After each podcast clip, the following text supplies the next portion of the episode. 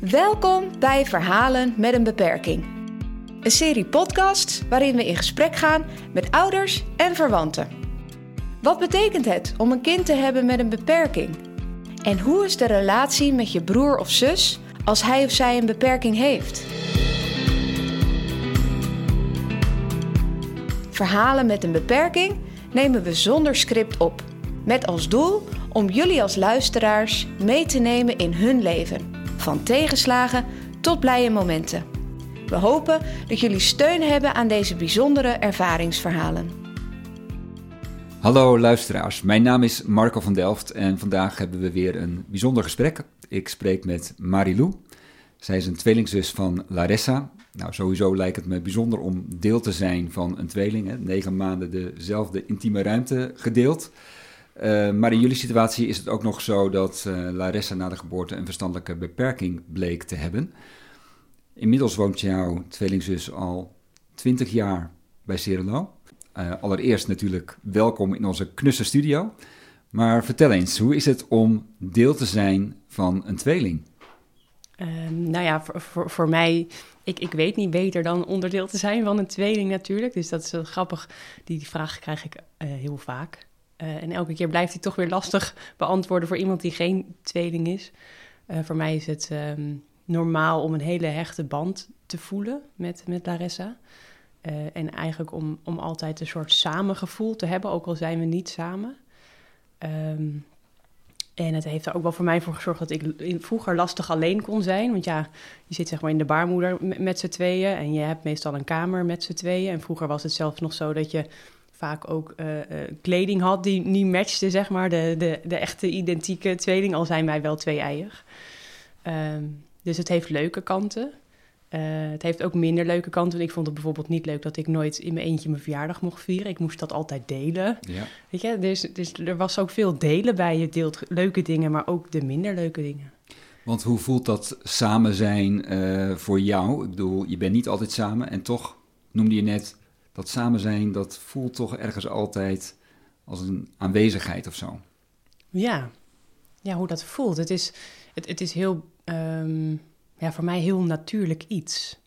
Uh, ik, ik kan me zeg maar een soort denken aan Larissa en dan, dan voel ik haar ook. Dus de, waarschijnlijk zal dat andersom ook zo zijn, al kunnen we dat haar natuurlijk niet, niet vragen. Maar uh, ik voel bij haar of ze onrustig is of, of heel veel stress heeft. Om een voorbeeld te noemen voor Sinterklaas, dan, dan is ze altijd heel erg gespannen. Vindt ze spannend en dat, dat, dat voel ik dan ook als een soort onrust in mezelf. Uh, dat als ik daar zeg maar met aandacht naartoe ga, het is niet dat ik constant de hele tijd onrustig ben, dat zij het ook is. Maar ik kan dat wel op, op een afstand soort, ja. Ja, het is iets wat je eigenlijk niet uit kan leggen. Nee, het is iets in de atmosfeer. Ja, ik zeg wel eens, um, nu ik moeder ben, heb je een soort uh, um, doorzichtige navelstreng, zeg maar, met je kind. Je kan, kan voelen hoe, hoe je kind zich voelt of wat ze nodig heeft, tenminste ik wel. En datzelfde heb ik eigenlijk ook met Larissa. Ja, en, en doet dat dan ook een appel op je? Uh, ja, ja, dat doet ja zeker. En vooral ook als, ze, als, ze, als ik er echt fysiek ook erbij zie, dan, dan vind ik het wel heel lastig om met bepaalde spanning van haar om te gaan. Juist ook omdat het een soort machteloosheid creëert in mezelf. Als het bijvoorbeeld komt door uh, veel wisselen van, van leidsters of dat soort dingen, weet je, dingen waar je geen invloed op hebt. Ja, dat vind ik wel heel moeilijk. Ja, want hoe is dat nu met haar? Want ze woont normaal gesproken op een buitenlocatie, momenteel op het zorgpark. Ja. Uh, vanwege een, uh, een, een, val en een breuk. Ja. Hoe is het nu met, uh, hoe is het nu met haar, met Larissa? Ja, nou eigenlijk heel goed. Het, het, om zeg maar, over een geluk bij een ongeluk te spreken, is dat ze op, haar, op de groep waar ze altijd gewoond heeft, jarenlang, ik geloof 20 jaar, zeg ik even uit mijn hoofd, in ieder geval echt lang. Uh, daar was de laatste tijd wel veel spanning en dat merkte je ook aan haar, ook fysieke klachten. En toen is ze gevallen. En nu mag ze dus revalideren inderdaad uh, hier op een groep. En ze bloeit eigenlijk helemaal op. Dus het is zo mooi om te zien. Um, ze is heel erg in haar... Zij is heel zorgzaam van zichzelf. En ze zit nu op een groep waar ze ook... waar veel rolstoelbewegingen bewoners zijn. Dus zij kan daar ook echt haar, zeg maar, ze is een geboren moeder eigenlijk. Zij moedert over poppen en over, over iedereen als ze de kans krijgt. Ja, Eh, en, en die rol die, die wordt nu helemaal eh, soort uitvergroot. Dus ze is er helemaal, helemaal in de, in de sas. ja, ja. ja. Eh, Zou je kunnen zeggen dat ze nu meer tot bloei komt? Ja, heel erg. Oké. Ja, en je, dat spanningscomponent wat er eerst was, dat is nu... Ja, natuurlijk is er van de, van de verhuizing en het nieuwe, zeg maar, wel, wel spanning. Eh, maar grotendeels weggevallen. Ja, ja, ja. En positief is nu ook dat ze er mag blijven wonen. Dus dat, eh, ja, Oké. de vlag gaat uit. Ja. want ik kan me voorstellen ehm, dat het ook een zorg is. ehm, eh, als je zus op een woning woont waar veel spanning is en ze er niet goed mee om kan gaan.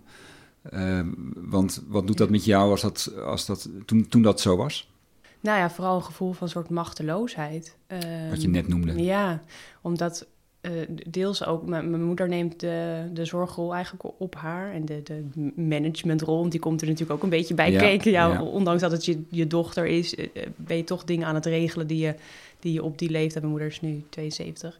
Eigenlijk, die verantwoordelijkheden eigenlijk zou je normaal niet meer hebben. Maar omdat de rest natuurlijk heel behoevend is... neemt zij dat allemaal op zich. Er is altijd zorg bij je moeder ook. Ja, heel veel zorg. Ja. Ehm, en juist ook omdat die spanningscomponent er op die groep zeg maar wel in zat. Ehm, maar mijn moeder die hield dat best wel vaak ook bij zichzelf.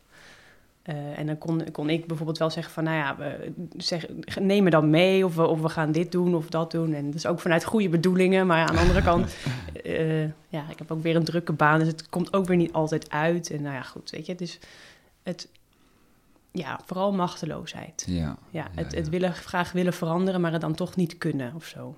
Vandaar die uitspraak, een geluk bij een ongeluk. Ja, Dat het nu op een soort natuurlijke manier ja, eh, Ja. zo aan het licht komt dat ze op zo'n andere groep veel beter tot haar recht komt. ja want ik, ik bedoel, iedereen ook op de andere groep heeft zijn best gedaan om Larissa te geven wat ze, wat ze nodig had. Maar de omgeving was het gewoon niet voor haar. Hmm. De, de bewoners en de, en de dynamiek op de groep. Eh, als, je, als je Larissa ook bekijkt, is ze heel gevoelig. Echt, eh, ja, heel gevoelig. Dus ze, kan spanningen ook haar fijn aanvoelen. En, en op het moment dat ze dat voelt, gaat ze bijvoorbeeld ook de haren eruit trekken. En, en echt ehm, eh, heeft ze daar ook fysiek last van. Ja, dat was op die groep gewoon. Er was, er was weinig zeg maar, overzicht en er, er waren veel dingen aan de hand. En dat was gewoon geen match voor haar. Ondanks dat de PB'ers en iedereen hun best hebben gedaan, hè, want zo is het ook. Ehm, maar ja, het was gewoon geen match. Ja, dus je zou misschien kunnen zeggen, ze had al een extra zintuig voor al die prikkels. En als, Ja. het- als er dan ook nog heel veel prikkels zijn, dan, Ja. ja, dan word je heel snel overprikkeld eigenlijk. Ja, en, en ze zoekt dan haar veiligheid in, in, in verbinding, in contact. Dus dan loopt ze constant achter de begeleidsters aan. Of, eh, eh, eh, en te, te, ja, een soort zwaankleef aanachtig zijn mijn moeder Ja, altijd. Ja, ja, ja. Ja, dat is voor die begeleidsters op een gegeven moment natuurlijk ook niet, niet te doen. Want die moeten hun werk ook wel uit kunnen voeren. Dus dan werd ze bijvoorbeeld op de kamer even gezet. En, maar ja, eh, Larissa afzonderen, dat is eigenlijk... ehm, ja... Precies het tegenovergestelde van wat ze op dat moment nodig heeft. ja, Ze heeft eh, nabijheid nodig, iemand anders nodig om rustig te worden. ja. Dus, dus ja, en in die zin, ik, iedereen begrijpt wat er gebeurt. En iedereen begrijpt ook dat dat nodig is, omdat die, ze moeten ook tijd hebben om anderen zeg maar, te kunnen begeleiden.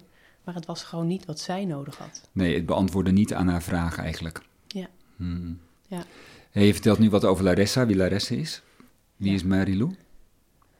Ehm, ja, wie is Marilou? Ja, ehm, ik, ik, ehm, ik ben ook heel gevoelig.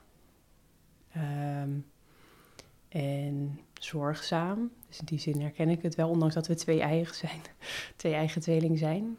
Ehm, ik ben over het algemeen iemand die goed mo- moeilijke en zware dingen licht kan maken. Met humor, dat vind ik fijn.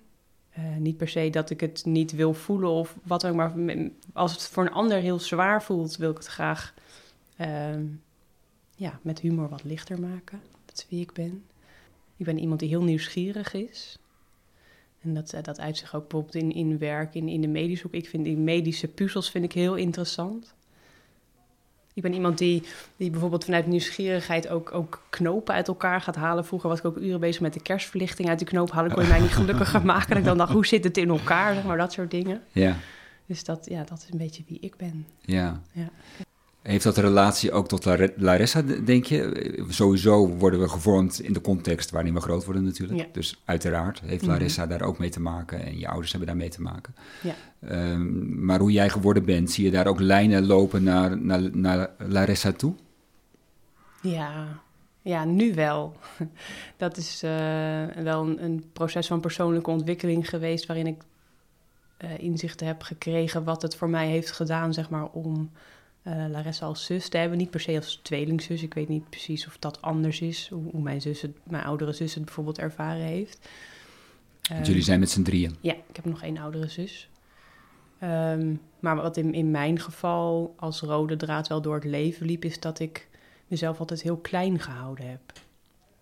Ehm, eh, bijvoorbeeld op, op werkvlak of, of wat dan ook. Al op het moment dat ik succes kon hebben, of dat zeg maar op het pad was wat ik voor ogen had, of, of qua carrière of wat dan ook, dat er altijd wel iets gebeurde wat eh, ervoor zorgde dat bijvoorbeeld die baan kwijtraakte, of dat ik ziek werd, of nou ja. ehm, en eigenlijk door persoonlijke ontwikkeling en, en, en, ik zeg persoonlijke ontwikkeling is altijd als een soort ui. Je, je, pelt van allerlei dingen af. Op een gegeven moment kom bij de kern. Ehm, en toen ik ehm, tot het besef kwam dat ik eigenlijk mezelf altijd klein hield, omdat ik me schuldig voelde tegenover Larissa. Eh, dat vond ik wel een heel pijnlijk besef. Want ik weet, Larissa is een heel mooi en heel lief mens, eh, eh, dat zij dat voor mij niet zou willen. Hmm. Dus het was een soort onbewuste afspraak die ik met haar had gemaakt. Misschien, geen idee. Van, Eenzijdig. ja, eenzijdig. Ja. Ja. En, ja, dus pas toen ik dat, dat verdriet ben gaan voelen van... Goh, ik mag... Ja, dat raakt me nu weer. Ik mag wel een gezin hebben.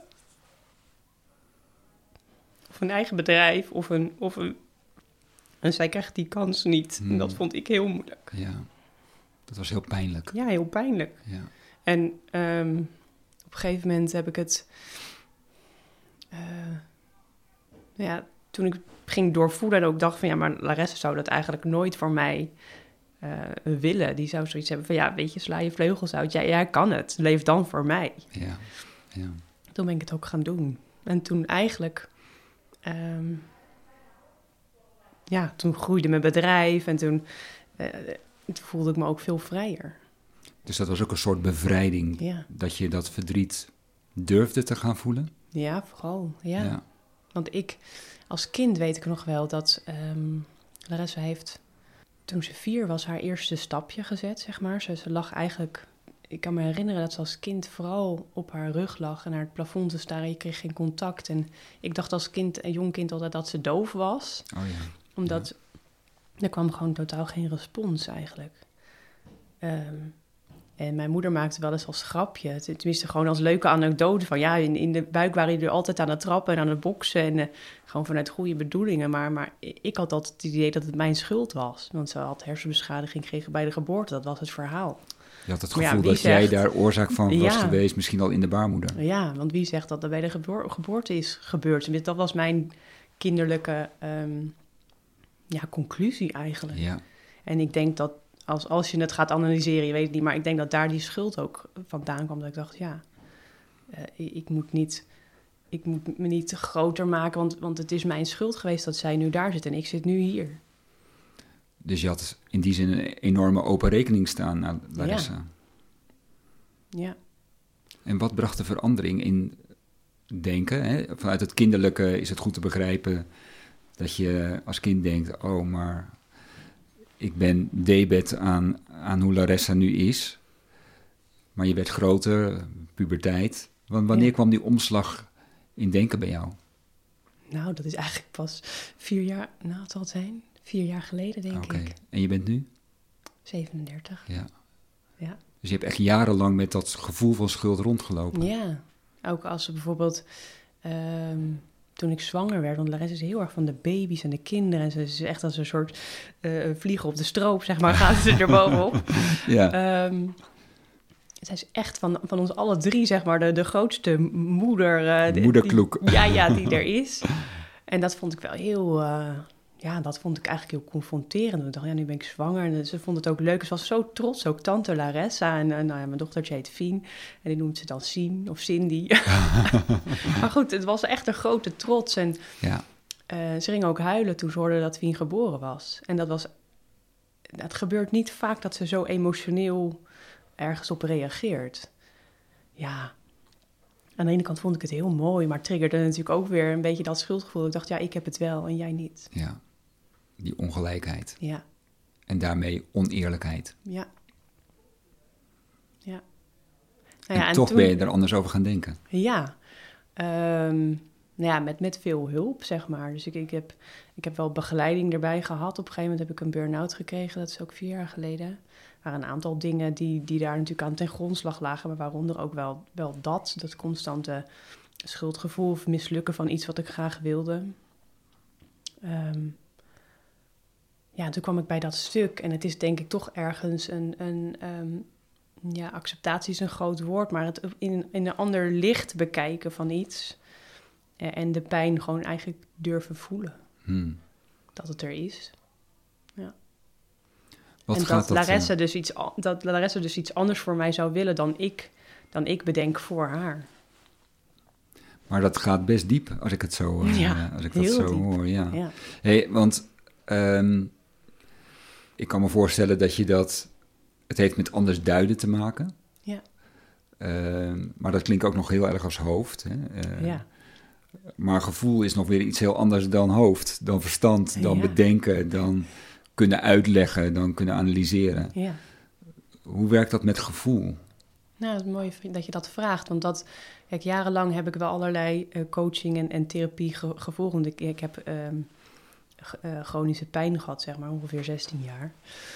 Ehm, maar dat was vooral gericht op het hoofd en het denken. En Ja, ik ben een sterke denker, dus je, je kan me van alles en nog wat vertellen. Maar ik kwam inderdaad nooit naar het, naar het gevoel toe. Ehm, tot ik het op, eh, tot ik het ging, ging opzoeken in een holistische setting. Dus, dus dat ze naar breder gingen kijken. En ehm, toen kwam ik eigenlijk bij mijn gevoel. Ja, en daar kwam enorm verdriet uit, boosheid, frustratie, waarom ik wel zei, niet, dat soort dingen. Ehm, En, en boosheid naar wie? ja, boosheid dat het, dat het zo is. Naar het universum? Ja, ja. Ja. En, en dat is natuurlijk iets. ehm, ja, je kan op niemand boos worden, want het is zo. Kijk, dan kan je rationeel kan je dat bedenken, maar dat lijkt me ook emotioneel. heel irritant, dat je op niemand boos kan worden. Nee. ja, maar daarom heb ik het gewoon naar mezelf toegeschreven. Ik kan Ja. boos worden op mezelf. Ja, want het was ja, mijn schuld. was, was niet zo, maar ja, je moet Je iemand moet als zondebok iemand- aanwijzen. Ja, ja, ja, die heb je nodig, de zondebok. Ja, Ja. ja. Nou ja, en dat kon ik uiteindelijk zeg maar loslaten doordat ik het emotioneel en, en ehm, gevoelsmatig ben, ben gaan aankijken en gaan voelen. En ehm, ja, en dat was uiteindelijk de doorslaggevende factor. Maar dat was ook wel de reden waarom ik zelf nu ook holistisch werk als therapeut. Dus het heeft mij, om terug te komen op je vraag, heel veel gebracht. Heel veel inzicht over mezelf, maar ook heel veel inzicht over hoe je diep ge- gelegen problemen, eh, gewortelde problemen aanpakt. Dus het heeft, heeft je ook op een bepaalde manier krachtig gemaakt Heel erg. in dit stuk. Ja, Ja. Ja. Want hoe duid je het nu? Dus de schuld heb je, nou losgelaten is misschien een groot woord, Nee, maar ja. toch die richting in ieder geval. Hè? Die Ja. richting van loslaten en het eh, verdriet doorvoelen. ja. Wat is daarvoor in de plaats gekomen? Dankbaarheid. Ja, dankbaarheid dat ik dit heb mogen leren. Dat eigenlijk deze situatie mij gebracht heeft tot waar ik nu ben. Ehm, en dat betekent dat ik nu zeg maar mijn, mijn eigen praktijk heb. Dat ik mensen eh, op een holistische manier kan, eh, kan helpen. Met, met, met pijnklachten, angstklachten, paniekklachten. Maar op een hele andere en brede manier. Ehm, dankbaarheid voor dat ik... eh, nou ja, mezelf zo intens heb mogen leren kennen eigenlijk. Ehm, ja, en ik, ik, ben, ik ben Larissa daar dankbaar voor. Eh, of in ieder geval de situatie daar dankbaar voor. Want anders had ik het nooit geweten. Had ik nooit tot dit punt gekomen. Hmm. Ik moest heel diep gaan, zeg maar, om, om blijkbaar eh, om te vallen in die burn-out. Eh, maar het heeft mij heel veel inzichten opge- opgeleverd. Zou je kunnen zeggen dat jij zelf ook tot de kern bent gekomen? Ja. Ja, en dat, dat, dat juist omdat ja, die band tussen Laresse en, en mij zo, zo, zo diep is, ging de pijn ook heel erg diep. Ik kon er ook niet bij komen. Hmm, En die overtuiging zat blijkbaar ook heel erg diep. ja. Ehm, en nu, ja, als je kijkt naar, naar wie heeft de schuld, nee, ik, ik kijk nu niet meer zo. Het, het, het is zo en er zal een reden voor zijn. Ehm, en ik, ik ben nu vooral heel erg blij dat Larissa er plek heeft gevonden dat zij nu kan opbloeien. En misschien zelfs wel, en dat is misschien hoe ik het invul, maar omdat ik nu meer tot rust ben gekomen en, en kan bloeien, heeft zij zoiets van, nou ja, Komt daar ook ruimte? ja, dan komt daar ook ruimte. Om, Ja. Juist omdat zij waarschijnlijk ook van mij van alles aanvoelt, maar dat niet kan duiden. Ja, ja, ja. Vind je dat je relatie in die zin gezonder is geworden doordat jij zelf dingen doorwerkt hebt? Ja, veel, heel meer, ja. Omdat ik ehm, toch... eh, nou, ik heb haar vroeger ook wel een soort ontweken... omdat het me te pijnlijk was om te zien waar ze, waar ze bijvoorbeeld zat in voorhoud. Dat vond ik echt te confronterend. Bij mijn moeder was, gingen we wel met haar wandelen en dingen doen. Maar ik merk dat nu ze bijvoorbeeld eh, hier zit... En, en echt, ik voel ook dat ze op haar plek zit... Nou, dan ben ik in één maand al, al drie keer geweest. Ja, ja, dus, dus het geeft ook echt ruimte. Het geeft zuurstof, het geeft Ja. lucht. ja, Zeg ik dat goed? ja. Ja. Ja. Hoe waardeer je nu je relatie met je zus, met Larissa? Ja, het voelt veel vrijer. Dus de verbinding voelt niet meer pijnlijk, maar, maar vrijer en, en gewoon eh, gelijkwaardig. Ja. Ja. En hoe is het met jullie drieën? Want die andere zus is ouder dan jullie? Ja, Panterij is de oudste zus, twee jaar ouder. Ja. Ehm, ja, goed, we zijn eigenlijk altijd een soort drie-eenheid. Een drie-eenheid. Ja. Dat is mijn Zo. jargon. Oh, nou ja, zo noemen wij dat. Ja, Ja, ja, dus, precies. eh, ja nee, we, we hebben... ehm, ja, als, als kind, zeg maar, als de rolverdeling een beetje had... dan was ik de clown van de, van de, van de stel. Dus ik, ik was degene die er met Larissa veel speelde... en, en de lol maakte en het luchtig en de gezelligheid. En Panterij was degene die meestal een beetje de rol van mijn moeder overnam... als ze er, als ze er niet was of als ze met iets anders bezig was. Die was meer aan het moederen over Larissa. En dat was een beetje onze, onze rolverdeling eh, thuis. ja, ja. ja. En hoe is dat nu? Ehm, nou, dat is nog wel zo. Als je kijkt, Je bent nog steeds de clown. ja.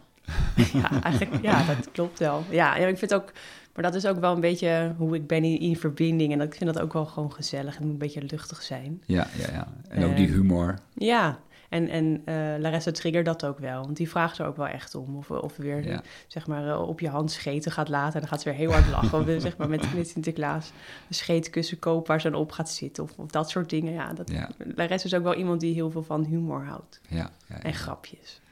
Ja. En als jullie over een paar jaren eh 40 worden, ga je het dan samen vieren? Eh, ja, wij vieren eigenlijk al nog steeds alle verjaardagen samen. Dus Oké, dus je 40ste ook. ja, ja, dat zal niet anders zijn. Ehm, Hoe mag die dag, hoe mag die dag eruit zien? nou ja, het is eigenlijk zo dat ik, ik heb ehm, een hekel aan verjaardagen vieren.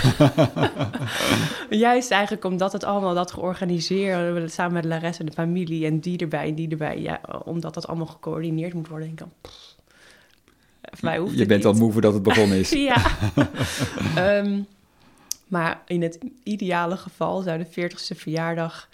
ehm, ja, eigenlijk in, in een andere ruimte dan thuis zijn. Als het gewoon georganiseerd is en ik gewoon aan kan schrijven en iedereen gezellig en feestelijk eh, daar aanschrijft, dat zou ik wel prettig vinden. Ja, Ja, ja, ja, ja. ja. ja.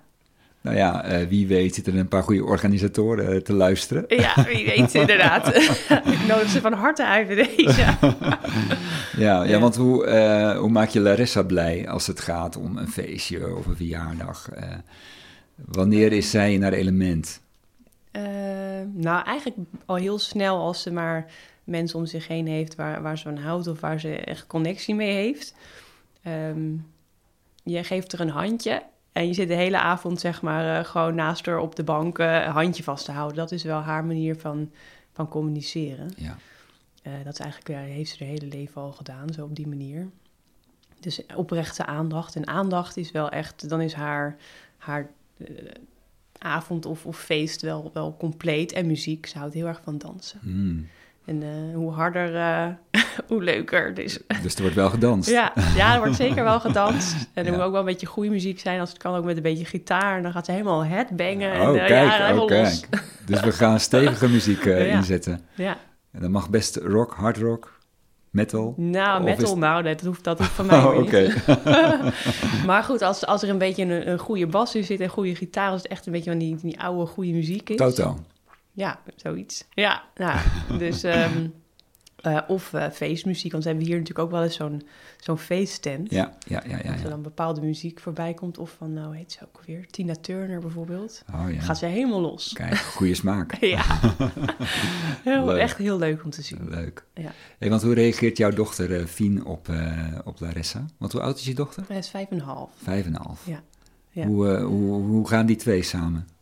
Eh, ja, goed. Eigenlijk vanaf het begin af aan eh, ehm, ja, heel goed. Ehm, ze, ze heeft een beetje het idee dat ze de grote zus is van, van tante Larissa. Dus dat is een beetje, ap- ja, misschien een aparte constructie. Een soort omdraaiing. Ja, want, want Larissa heeft zeg maar het, het ehm, niveau van een kind van vier qua perceptie ongeveer. ja. Dus in het begin zaten ze, waren ze met z'n twee met de pop aan het spelen en ging dat goed. Maar, maar Fien is nu een beetje eh, gevorderd in haar ontwikkeling, zodat ze ook nu kan zien van... hé, maar, maar waarom vindt tante Larissa dat dan spannend? Of waarom, waarom doet ze dan dit?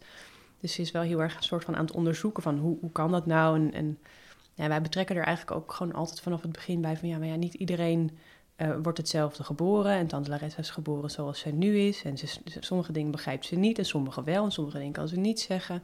Nou ja, en, en, en dat is natuurlijk ook wel het mooie van een kind. En eh, oké, ja, weet je, dat is oké. nou, Larissa heel is wie ze in- is. Ja, Ja. ja. Dus, Ja. Die, eh, dus Fien neemt dat heel makkelijk aan Ja. van jullie. Ja. Ja, en wat ze wel in het begin eh, met, met kerst wel eens lastig was, dan hadden ze allebei een pop. en dan werd de ene pop door de een afgepakt en de pop door de ander afgepakt. Dat was een dikke ruzie. Want delen was allebei natuurlijk niet echt wat. Ja, ja, Dus, ja, eh, ja, ja, nee, maar dat, snapt ze nu beter. Ze zeggen, ja, maar ja, tante Larissa vindt het helemaal leuk. Oké, oké, nou, vindt ze niet leuk, maar ze vindt het dan maar. Ja, ja, ja. Ja, want is het voor Larissa ingewikkeld dat Fien doorontwikkelt, haar eigenlijk voorbij gaat? Hoe is dat voor Larissa?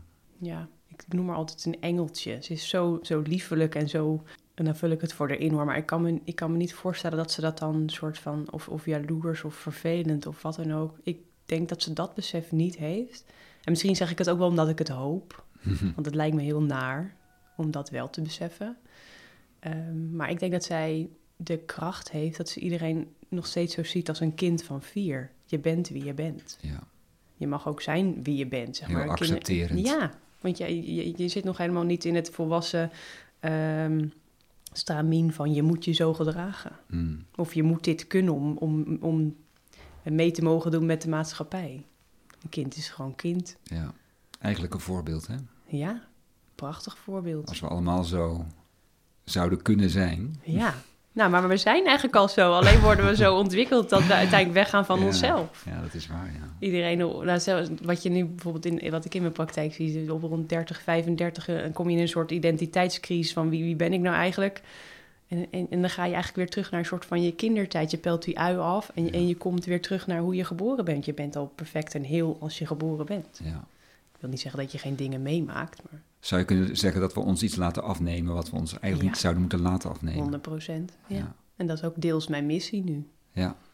Dus in om die mensen zin- weer terug te brengen. Ja, en in die zin is het, denk ik, ehm, nou ja, als je dan Larissa en, en ik naast elkaar zou zetten, dan is het een soort yin en yang. Larissa mag gewoon lekker zijn wie ze is. Ja. Hè? En die heeft die, die, die beperkende overtuigingen niet. Wisten, daar gaan we vanuit. Ja, en, en ik ben natuurlijk opgegroeid in dezelfde maatschappij als iedereen, op dezelfde school als iedereen. Je moet je, je, moet je hier naar staven, je moet, je moet je zo gedragen. Dit wordt van je verwacht, je moet dat kunnen, je moet presteren, je moet dit, je moet dat. En ik ben eigenlijk weer teruggegaan uiteindelijk naar de kern. Maar dat wil niet zeggen dat ik nog steeds niet in diezelfde ehm, maatschappij ben als, als iedereen. Je moet presteren. En, eh, maar daar gaat het helemaal niet om. Het gaat, het gaat, om je kern, hè, wie we allemaal zijn. We zijn Ja, prachtig. Ja, ja, ja. En in die zin zou je kunnen zeggen, is Larissa ook een spiegel voor je. Ja, Hoe hoop je dat Larissa herinnerd zal worden? Ja, niet dat ze er nu niet meer is, nee, maar... mooie vraag. Ehm, nou, eigenlijk zo. Zij was altijd het engeltje, is het engeltje eh, van ons gezin. Ze is, ze is heel puur en eh, Ze heeft een heel mooi hart, ze is heel zorgzaam. Eh, en ze is een beetje gekkig. en dat vind ik dan weer leuk. dus, dus, dus dat, ja. En, en ehm, eh, ja, het werd in de maatschappij ook wel eens duidelijk. Als we bijvoorbeeld vroeger, ze was echt ook een heel mooi poppetje om te zien. Ze was echt, uh, nu zie je wel dat ze, ze heeft bijvoorbeeld een slecht gebit. En, en, dus nu ga je wel zien dat ze verstandelijk beperkt is. Maar vroeger, het was net, net een soort, um, ze kon zo uit een modetijdschrift komen. Ze was echt zo'n poppetje. En dan stonden we wel eens bijvoorbeeld bij het strand. En dan uh, uh, gingen we patat bestellen. En dan stond er een meneer voor ons. En die had dan bijvoorbeeld zand op zijn rug. Ja, en, en normaal, dus zij klopt dat zand van zijn rug af en zegt, bah, vies. en dan zegt die, die man, die draaide zich om zegt, nou, uh, je bent zelf vies. Weet je wel. maar goed, uh, later zag hij wel dat het niet helemaal, helemaal klopt. En dan, en nou ja, dan zie je ook wel een soort schaamte of denk je, oh, dat had ik beter niet kunnen zeggen. Maar aan de andere kant, ja, zij is wie, wie ze is en ze, ja, en ze is het gewoon. Ja, en als je het toelaat, dan ontwapent ze je. Ja. Een mooie engel. Nou, echt, ja. Dankjewel, Marilou. Dankjewel voor dit mooie verhaal. Dankjewel ook dat je zo persoonlijk uh, wilde zijn. En dat je zo mooi hebt verteld over je zus en over je oudere zus en over je moeder en over Larissa natuurlijk. Ja. Um, dank dat je het met ons wilde delen. En voor de mensen thuis, heb je vragen naar aanleiding van deze podcast? Of wil je graag in gesprek met iemand van geestelijke zorg? Mail dan met geestelijkezorg.serenlo.nl